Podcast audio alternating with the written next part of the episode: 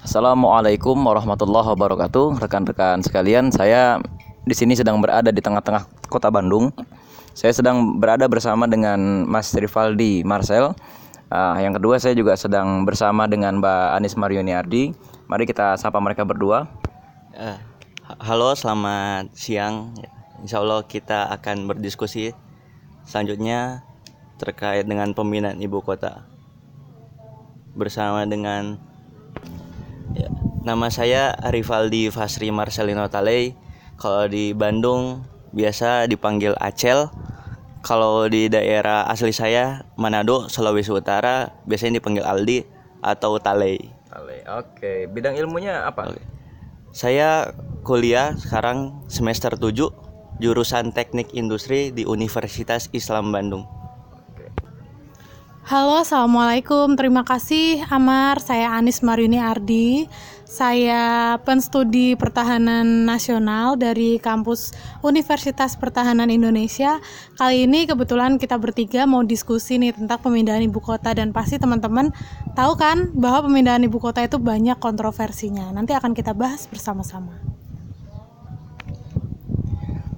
Oke, okay, uh, eh, rekan-rekan sekalian, itu adalah dua narasumber kita.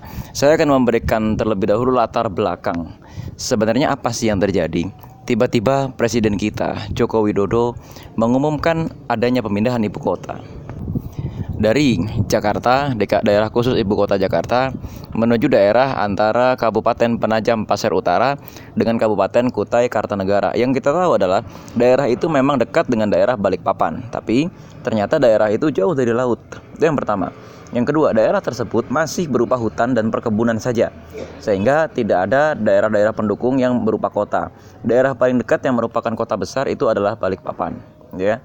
Tapi di daerah Balikpapan itu sendiri sarana pendukungnya belum banyak, gitu ya. Bahkan daerah Balikpapan itu belum terhubung dengan terlalu banyak kota, gitu. Nah, sebelum itu saya ingin minta pendapat kepada Mbak Anis, gitu ya. Nah, ini rencana pemindahan ibu kota ini itu ada di tengah pusaran dua jalur dagang dunia.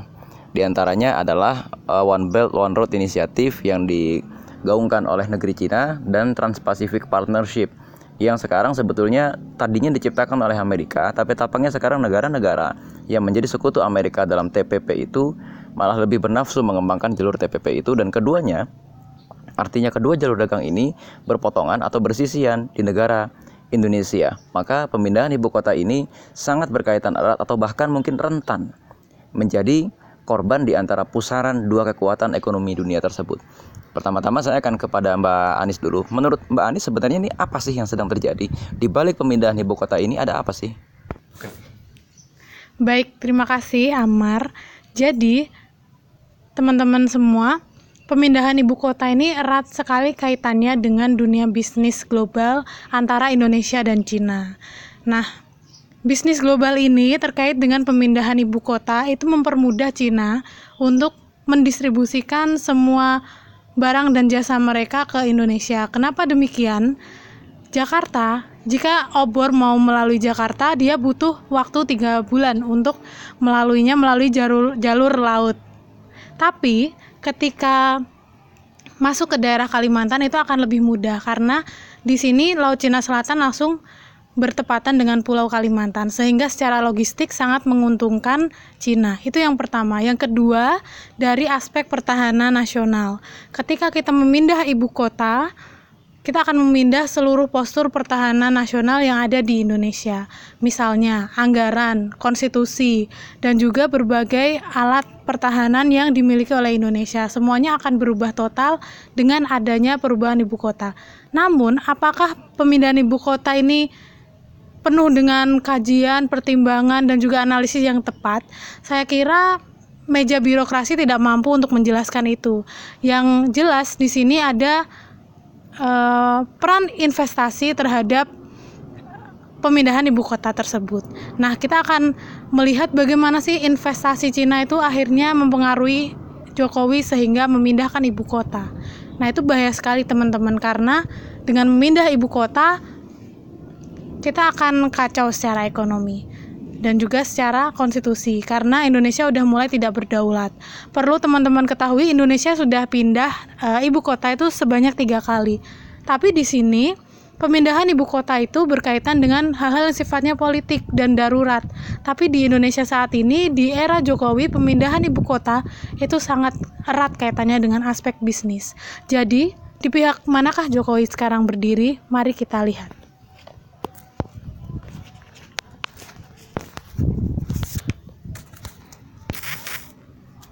Terpotong-potong tadi. Baik itu analisis pembuka ya dari Mbak Anis Mariuni Ardi. Sekarang kita akan menuju kepada Kang Acel gitu ya.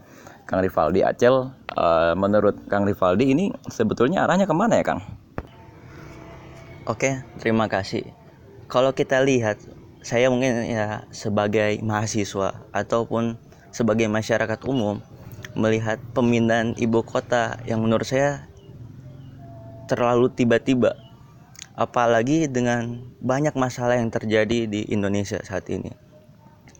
Apalagi kondisi Jakarta saat ini juga ya, yang kalau kata mantan wali kota Solo bahwa ternyata pemindahan ibu kota ini eh maaf yang untuk menangani ibu kota ini harusnya itu mudah-mudah saja kemudian mantan wali kota mantan gubernur DKI Jakarta beliau mengungkapkan bahwa dengan menjadi presiden gitu, maka penanganan ibu kota Indonesia ini justru akan lebih mudah.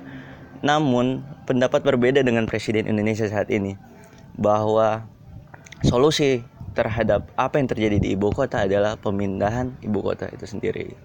Jadi bukan mencari solusi terhadap apa yang menjadi masalah di ibu kota, apa yang menjadi masalah di daerah-daerah terpencil yang jauh dari ibu kota, justru lari dari masalah yang ada. Kemudian banyak urgensi yang harusnya kita perhatikan. Misalnya masalah pendidikan. Kalau kita perhatikan masih banyak berita ataupun kita bisa cek data-data bahkan di BPS pun sendiri bahwa masih banyak ruang kelas di tingkat SD, SMP, SMA itu yang tidak layak. Itu baru kita ngomongin soal pendidikan yang di anggaran pun tergolong besar sebenarnya. Tetapi masih belum ada penanganan khusus. Kemudian BPJS yang tergolong nunggak bahkan hutang triliunan rupiah. Ke- Kemudian kalau kita perhatikan salah satu statement dari ahli tata wilayah yang pernah menyampaikan pendapatnya bahwa pemindahan ibu kota ini sangat penting di salah satu stasiun TV bahwa dengan pemindahan ibu kota ini justru akan membantu wilayah-wilayah sekitar ya.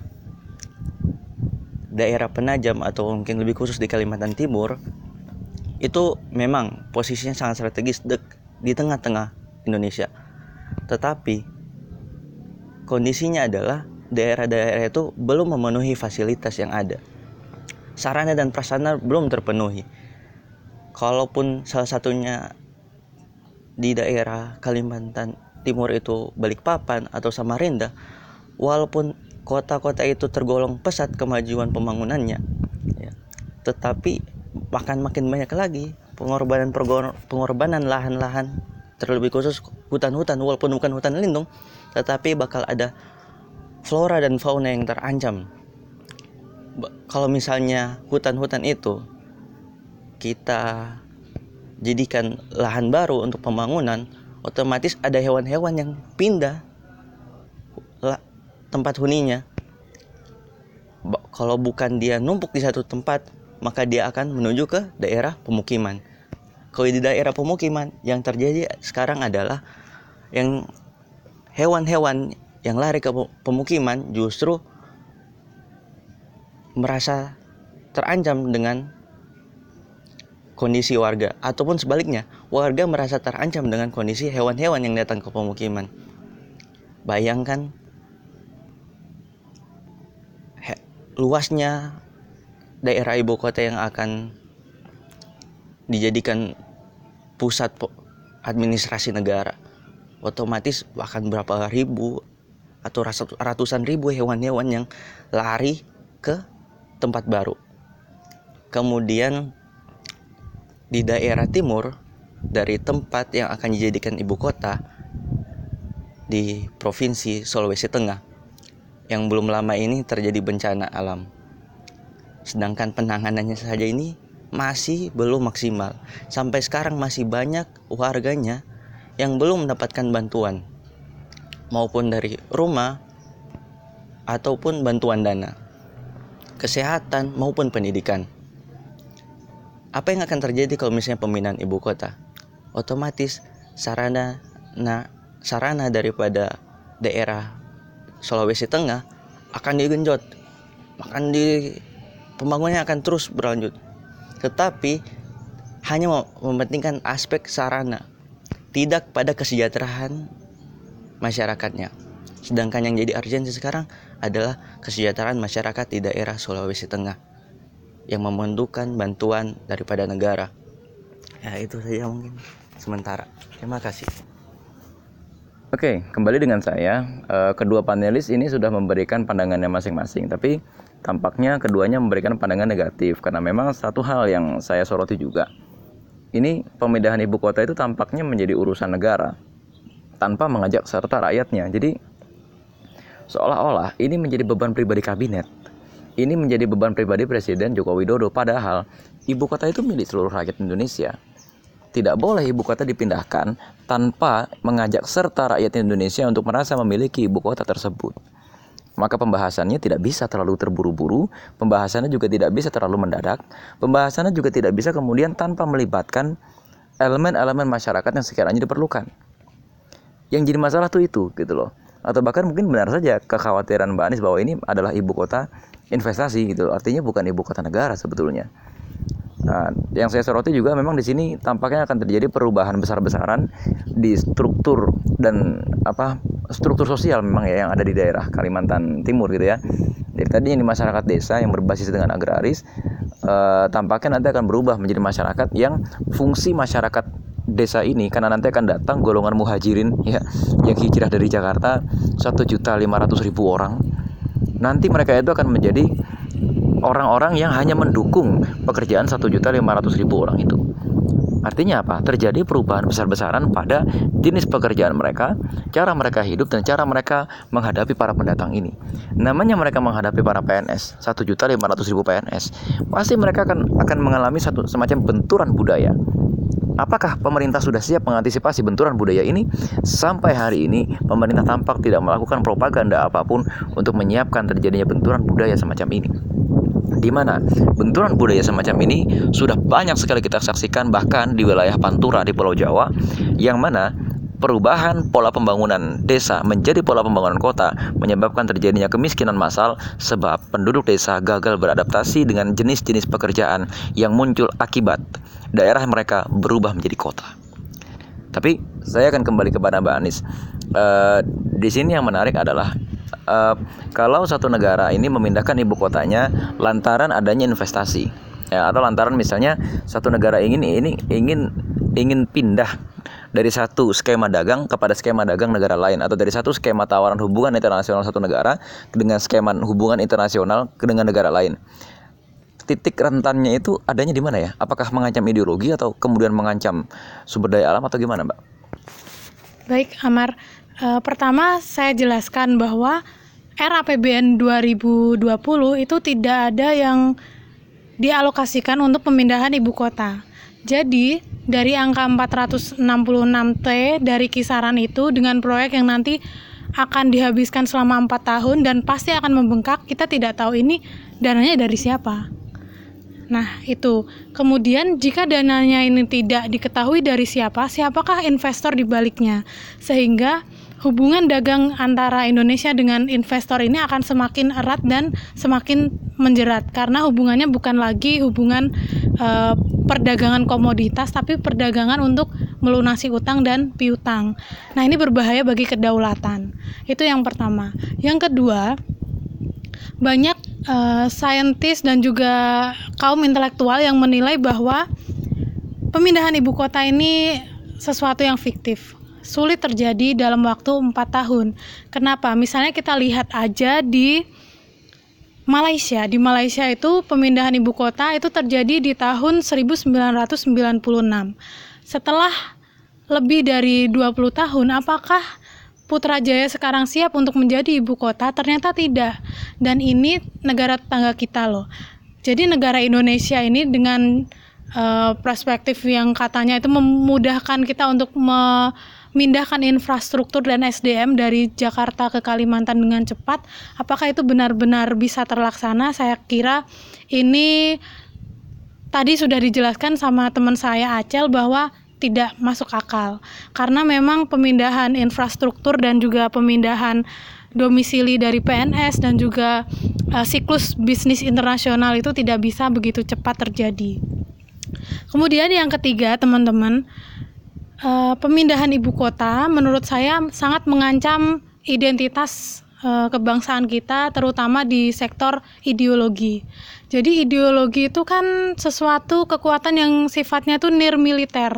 Dia gampang dihancurkan, gampang disusupi dan gampang untuk dinegosiasi terutama dari uh, bidang ekonomi dan politik.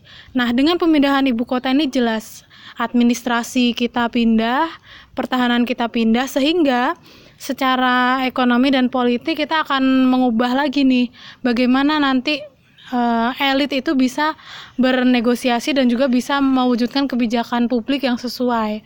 Karena kita lihat bahwa Jakarta itu bukan karena macet, bukan karena tanahnya turun.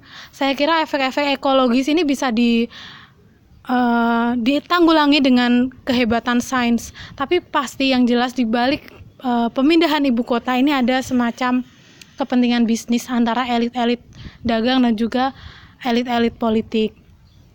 Oke, sehingga dalam aspek yang lebih luas lagi, pemindahan ibu kota ini memindahkan uh, dunia kosmopolit Jakarta ke dunia yang tidak siap untuk menjadi ibu kota seperti Kalimantan Timur.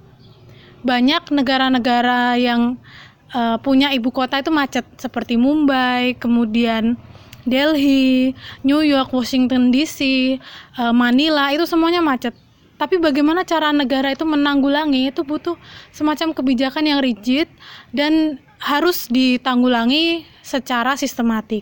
Dan saya rasa di sini pemerintah kita menafikan hal itu dan memilih untuk memindahkan masalah bukan menyelesaikan masalah. Ini sebuah mentalitas birokrasi yang menurut saya pribadi tidak layak ya, tidak layak untuk kita dukung karena pemindahan ibu kota ini adalah memindahkan bukan memindahkan bisnis, bukan memindahkan administrasi, tapi memindahkan ideologisasi dari masyarakat yang kosmopolit menjadi masyarakat pedesaan yang akan berubah menjadi urban-urban baru. Ini adalah PR kita bersama. Oke ya, ini pendapat yang cukup menarik juga dari Mbak Anis yang cukup detail gitu ya, di mana kita jangan sampai terjebak kajian kita itu seolah-olah apa yang dilakukan oleh presiden kita selalu salah ya meskipun memang memang ada yang yang pasti beranggapan seperti itu tapi kita tetap harus objektif gitu ya bahwa dari kajian-kajian objektif semacam ini saya harap akan timbul diskursus. Tapi sebelum kita ke Kang Acel, saya tertarik dengan pendapat Mbak Anies bahwa memang pemindahan ibu kota itu hal biasa. Ada dua hal yang mau saya soroti di sini. E, di era masa lampau kita, dulu terjadi perpindahan ibu kota. Yang pertama di Kerajaan Demak. Kerajaan Demak itu punya ibu kota itu daerah e, sekitar pantai utara Jawa. Corak ibu kotanya jelas adalah corak perdagangan internasional dengan memanfaatkan jalur dagang yang pada waktu itu memanfaatkan proposal dagang dari kerajaan Turki Utsmani yang langsung strike lurus ke arah Indonesia. Nah, ketika terjadi konflik di dalam istana dan kemudian datang orang-orang Eropa yang ideologinya bukan ideologi Islam atau memang mereka ini non Muslim, gitu ya, pusat ibu kota dengan intrik politik dan intrik ideologi segera berpindah dari tepi laut menuju daratan tepatnya di daerah Yogyakarta yang sangat jauh dari lautan mana pun. Kalau ditempuh dengan naik kuda dari pusat kota gede pada saat itu ya, kota gede ataupun pusat kota Mataram dan Pajang, itu memerlukan waktu kira-kira setengah hari menuju lautan atau pelabuhan terdekat. Itu pertama. Tapi yang kedua, pada saat kerajaan Demak itu memiliki ibu kota di Demak, masalahnya pusat perdagangannya itu tidak di Demak tapi pusat perdagangannya itu adanya di daerah Semarang dan di daerah Sunda Kelapa. Ternyata energi militer dan energi ekonomi kerajaan Demak habis hanya untuk mempertahankan eh, kota-kota dagang itu dari serbuan negara lain atau juga dari serbuan bangsa asing. Akhirnya apa? Kerajaan Demak tidak sempat membangun negaranya secara merata. Daerah desa-desa itu ternyata tidak terbangun dengan merata sehingga mudah sekali terjadi pecah belah di dalam internal kerajaan Demak. Sehingga keputusan untuk memindahkan ibu kota kerajaan Demak menuju ibu kota kerajaan Pajang di pusat atau di tengah-tengah daratan Jawa tampaknya mengandung pesan pemerataan pembangunan dan pemerataan sumber daya manusia. Tapi apakah hal tersebut sama seperti yang terjadi di masa sekarang di mana alat telekomunikasi, transportasi dan juga anggaran negara jauh lebih besar dan jauh lebih tertata rapi daripada masa kerajaan Demak? Mungkin kita tampaknya harus mendengar pendapat sampingan dari Kang Acel juga gitu ya. Oke, ini menurut Kang Acel eh, dari dari pemindahan ibu kota ini, adakah pemindahan ideologi atau pertukaran ideologi gitu ya? Atau bahkan memang tampaknya ideologi memang sudah berubah? Dan apa yang dilakukan oleh negara kita ketika memindahkan ibu kota cuma sebuah tanda memang berubahnya ideologi kita. Oke, yang jadi catatan saya terhadap pemindahan ibu kota, apalagi kalau misalnya kita ngomongin ideologi ya, maka yang terjadi akan ada perubahan sosial di masyarakat, terlebih khusus di daerah ibu kota. Tapi menurut saya ada hal penting lagi kalau kita ngomongin pemahaman atau ideologi terhadap negara, maka salah satu faktor yang paling penting adalah pencerdasan di tengah-tengah masyarakat dan keberpihakan pemerintah terhadap siapa. Kalau kita lihat, pemerintah ini selalu saja ya melibatkan gubernur Kalimantan Timur, kemudian ahli wilayah, kemudian beberapa ahli yang terkait pemindahan ibu kota. Namun ada satu aspek penting yang kalau disebutkan Bang Amar ya di awal ya, bahwa pemerintah tidak melibatkan masyarakat. Kenapa hal ini penting? Karena yang terjadi adalah perubahan sosial di masyarakat bagaimana cara pandang masyarakat terhadap pemindahan ibu kota ini dan keberpihakan pemerintah kepada siapa. Kalau kita ngeliat perencanaannya, kebanyakan pemindahan ini itu selalu hanya melibatkan orang-orang akademisi ataupun orang-orang yang berkepentingan dengan kepentingan para pemilik modal. Padahal kalau mungkin ya kalau kita ngobrolin tentang pemindahan ibu kota kok yang di jadi panel salah satu anak teknik industri. Ini hubungannya apa? Kenapa nggak anak tak, tata wilayah atau tata kota ya kan? Ada salah satu aspek penting ketika kita ngomongin industrial engineering bahwa setiap perencanaan harusnya terintegrasi. Nah apa hubungannya nih kalau misalnya kita ngomongin terintegrasi dengan perencanaan kota pemindahan ibu kota ini pemerintah hanya melibatkan orang-orang yang istilahnya ya yang derajatnya tinggi-tinggi saja gitu. Kenapa pemerintah belum melibatkan tokoh-tokoh masyarakat, kemudian belum melibatkan ormas-ormas, padahal mereka akan mengalami langsung as, uh, akibat daripada pemindahan ibu kota ini. Kemudian, kenapa yang dilibatkan gubernur Kalimantan Timur saja? Padahal ketika kita ngomongin perencanaan ibu kota ini, orang orang-orang penting juga yang harus dihubungi adalah gubernur-gubernur lain yang berada di, selain di Kalimantan Timur. Kenapa? Karena otomatis kalau kita ngomongin pemenuhan sarana di Kalimantan Timur, maka bahan baku untuk pembangunan itu harus melibatkan dengan provinsi-provinsi di sampingnya. Ya kalau kita ngomongin tiap kali pemindahan ibu kota yang diliatin Bapak Gubernur Kalimantan Timur gitu. Ya kan? Kenapa tidak melibatkan langsung pada masyarakat gitu? Maka yang terjadi adalah kalau kita ngomongin ideologi ya kan, maka yang paling kena adalah masyarakat tidak akan pernah memahami dan tidak akan pernah paham bagaimana caranya beradaptasi dengan kondisi yang akan terjadi ketika pemindahan ibu kota. Jangankan ketika pembangunan telah selesai, saat pembangunan akan dimulai, itu adalah ancaman pertama pemindahan ibu kota. Penyampaian dari Kang Acel tadi mengingatkan saya kepada satu fakta bahwa pada tahun 2016 kalau tidak salah UAS kita itu tiba-tiba mengumumkan sudah membangun pabrik beton, pabrik semen yang adanya di Provinsi Kalimantan Timur, tepatnya di Kutai Kartanegara. Uh, saya belum memeriksa lagi gitu ya. Kota yang baru ini kan tentu saja memerlukan suplai listrik. Tampaknya ini berhubungan dengan kebijakan perusahaan Kala Group yang membangun pembangkit-pembangkit listrik di sekitar daerah Kutai Kartanegara dan Penajam Pasir Utara. Tentu saja ini juga membutuhkan pasokan aspal, ini juga membutuhkan kayu yang banyak sekali, ini juga membutuhkan sejumlah besar peralatan-peralatan besi dan lain-lain. Tapi baru dua, uh, dua indikasi itu saja yang baru saya teliti. Artinya tampaknya yang terjadi adalah pengusaha-pengusaha ini memaksa pemerintah untuk menggunakan barang-barang yang mereka produksi dalam skala besar dan yang paling memungkinkan adalah pembangunan sebuah kota yang baru. Dari mana dananya? Dari 466 triliun itu, hanya sekitar 19% yang digunakan dari APBN. Artinya apa? Barangkali 400 triliun yang lain itu disediakan melalui investasi yang artinya kota yang baru ini bukanlah sebuah kota politik tapi lebih tepatnya adalah memaksa negara untuk membeli produk dari perusahaan-perusahaan besar itu. Mungkin sebagai penutup, saya ingin Mbak Anies memberikan satu pandangan mengenai pola investasi yang ini kok bisa ngatur sebuah negara. Kalau menurut bahasanya Wakil Ketua KPK, Saud Situmorang, ada korporasi yang bisa mengatur sebuah negara. Apa yang terjadi? Baik teman-teman, kita mengenal aktor yang kadang tidak kita identifikasi uh, identitasnya yaitu non-state actor.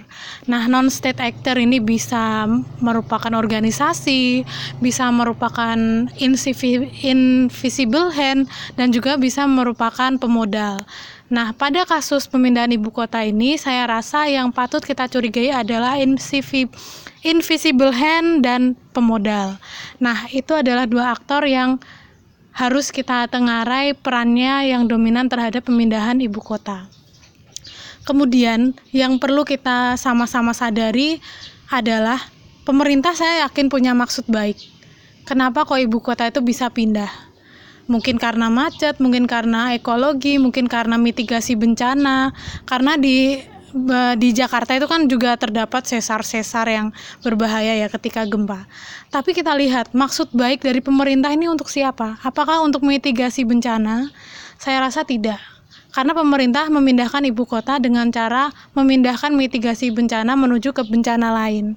Kita lihat bahwa Kalimantan itu akan berpotensi terhadap kerusakan lingkungan yang sifatnya itu sangat besar ya dan itu mempengaruhi uh, ekologi dunia. Dan di sini nanti Indonesia juga akan dicap atau dilabeli sebagai penjahat lingkungan. Nah, investasi biasanya selalu berkompromi dengan kesejahteraan, tapi tidak bisa berkompromi dengan isu-isu lingkungan. Artinya, perlu semacam spirit eko-demokrasi, yaitu demokrasi yang mengedepankan aspek lingkungan, dan ini tidak ada di Indonesia, termasuk pada pemerintahan Jokowi.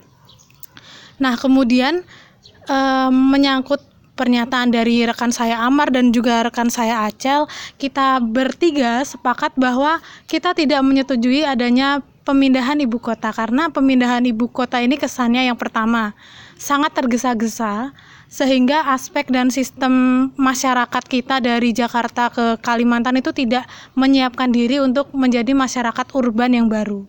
Sehingga akan terjadi uh, kesenjangan ya yang kita sebut sebagai kesenjangan sosial. Nah, kemudian yang kedua, pemindahan ibu kota ini tidak disertai dengan APBN yang mandiri. Jadi 19% APBN itu ternyata hanya sebagai DP juga kurang. Dan artinya kita harus kembali berhutang kepada eh, negara-negara tetangga, terutama Cina, sebagai bentuk dari investasi pembangunan.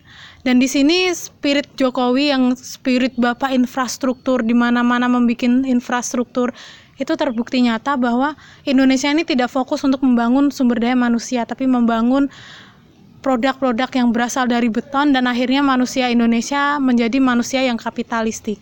Ini berbahaya sekali pada eksistensi Pancasila kita yang sebenarnya berbasis pada pembangunan manusia. Dan yang selanjutnya, RAPBN tidak ada yang menyebutkan akan membiayai pemindahan ibu kota. Yang itu terbukti di RAPBN 2020 ternyata tidak tidak disiapkan dana ini. Dan konstitusi. Konstitusi ini penting ya karena untuk memindahkan ibu kota itu kan kita akan memindahkan berbagai macam uh, aspek sehingga konstitusi ini akan mendukung proses terselenggaranya pemindahan. Tapi ternyata Jokowi mengatakan bahwa kita sudah melakukan kajian tiga tahun bersama Bappenas dan Bappenas itu sebetulnya tidak melakukan kajian teman-teman. Yang melakukan kajian itu adalah dari Beijing dan Beijing lah yang nanti akan menjadi imperialisme baru di Indonesia yang akan masuk ke pedalaman Kalimantan untuk menyebarkan spirit kapitalisme yang akan merusak tatanan kebangsaan kita. Begitu teman-teman, semoga kita semua tercerahkan. Terima kasih. Saya kembalikan kepada Amar. Baik ya ini uh, diskusi kita sudah mencapai ujungnya. Terima kasih kepada segenap narasumber gitu ya, segenap rekan-rekan saya yang sudah bersedia untuk membagikan informasi kepada kita apa pun itu mudah-mudahan nalar kritis kita tidak tumpul. Mudah-mudahan kita nanti ketika menjadi pemimpin-pemimpin negeri ini tidak menjadi pemimpin yang bermental mencari investasi untuk membangun negeri kita tapi betul-betul membangun atas dasar kebutuhan yang kebutuhan ini berasal dari rakyat bukan berasal dari kebutuhan para investor. Assalamualaikum warahmatullahi wabarakatuh